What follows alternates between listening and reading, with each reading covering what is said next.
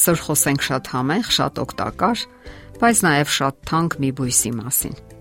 Ծնեբեկը հնում համարվել է սրբազան բույս։ Նրա մասին գրել է դեռևս Պլուտարքոսը։ Իր աշխատություններում նա նկարագրում է մի ծես, երբ նորապսակներին զարդարում էին ծնեբեկի նուրբ կանաչ պսակներով։ Այս բույսը վայելել են դեռևս հռոմեական կայսրերը։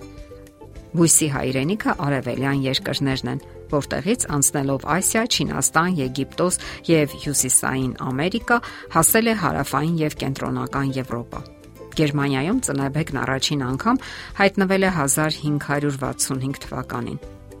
Նրան կարելի էր տեսնել այգիներում որպես դեկորատիվ բույս։ Նա բավականություն էր պատճառում հարուստներին, երբ մատուցում էին որպես համադամ խորտիկ բարձրաշխարհիկ ընդունելությունների ժամանակ ապա համընդհանուր ճանաչում ստացավ եւ սկսեցին աճեցնել որպես խոհանոցային հավելում։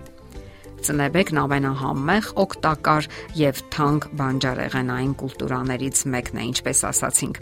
Նրա առաջին ընձյուղները, որոնք լինում են սպիտակ, կանաչ, վարդագույն, կանաչ կամ մանուշակագույն, հագեցած են վիտամիններով, հանքանյութերով եւ բջջանյութով։ Երիտասարդ նուրբ ծիլերը կարելի է ուտել նաեւ հում վիճակում կամ գոլորշու վրա արագ պատրաստելով, ջրում կամ էլ ջեռոցում շոքեխաշելով։ Այս բույսը համարվում է սեզոնի ամենավաղ հայտնվող կանաչեղենը։ Երիտասարդ ընձյուղների բերքը կարելի է հավաքել արդեն ապրիլ-մայիս ամիսներին։ Ծնեբեկ բառն առաջացել է հունարենից եւ նշանակում է տարածում եմ ընձյուղները փնջերով կապված երկար սպիտակավուն ձողիկները, որոնք գառնանը հայտնվում են բանջարեղենային վաճառասեղաններին,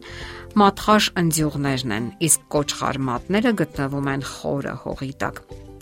Ապրիլի վերջերին տարածվում են մատի հաստությամբ նուրբ ընձյուղները։ Ծնեբեկը հավաքում են կտրում այն ժամանակ, երբ աճում է գլխիկը։ Իսկ ահա գիտակները կտրում են մատխաշ ընկույզները վաղ առավոտյան մինչև ժամը 5-ը, որpիսի դրանք չկանաչեն արևի լույսի ազդեցության տակ, ինչպես նաև որpիսի կարողանան պահպանել պայծառ գույնն ու նուրբ կառուցվածքը։ Այս բույսի ցողունը հասնում է մինչև 1.5 մետր բարձրության։ Այն զարդարում են ասեղանման տերևիկները, իսկ կանաչավուն ծաղիկները հիշեցնում են թրաշուշանի ծաղիկները։ Դեռևս 1000 տարի առաջ Չինաստանում օգտագործում էին ծնեբեկի կոճղարմատը որպես խորխաբեր միջոց հյուծիչ հազի ժամանակ։ Դրանցից պատրաստում էին նաև կոմպրեսներ խոցերի ժամանակ։ Եգիպտացիները խմում էին կոճղարմատի եփուկը լյարդի հիվանդությունների դեպքում, իսկ ռոմեացիները, մասնավորապես Դիոսկորիդը, խորհուրդ էին տալիս մատխաշ ընձյուղները երիկամների հիվանդությունների դեպքում։ Ծնեբեկը լայնորեն կիրառվել է նաև շվեդացի գիտնական Կարլ Լիննեի ժամանակներում, երբ հատկապես կոճղարմատն օգտագործում էին դեղաբանության մեջ,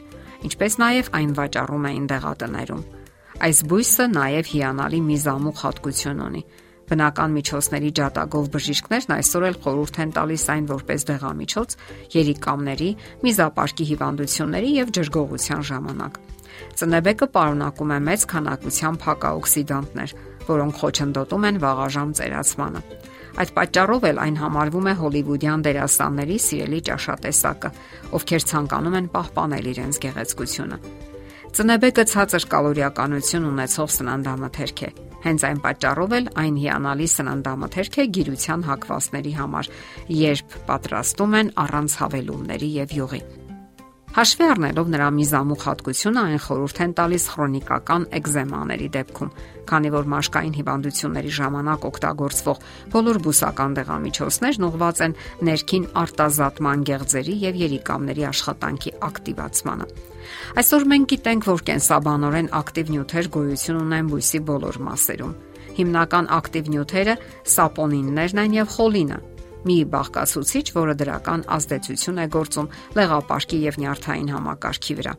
Ծնեբեկի մյուս բաղկացուցիչներն են ասպարագինը, արգինինը, սպիտակուցները, ճարպերը, թթուները, վիտամինները, եթերայուղերը, հանքանյութերը, միկրոտաժերը։ Վիտամիններից պարունակվում են K, A, C, B1, B9, որը ֆոլաթթուն է, E, B4, որը խոլինն է։ Իսկ հանքանյութերից արկա են սելենիումը, պղինձը, մանգանը, կալիումը, ֆոսֆորը, երկաթը եւ այլն։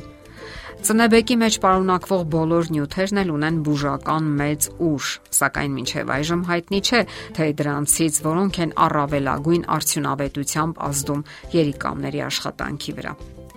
Չնայած այս անհայտությանը, ակնհայտ է, որ ծնեբեկն ունի արյունը մաքրելու հատկություն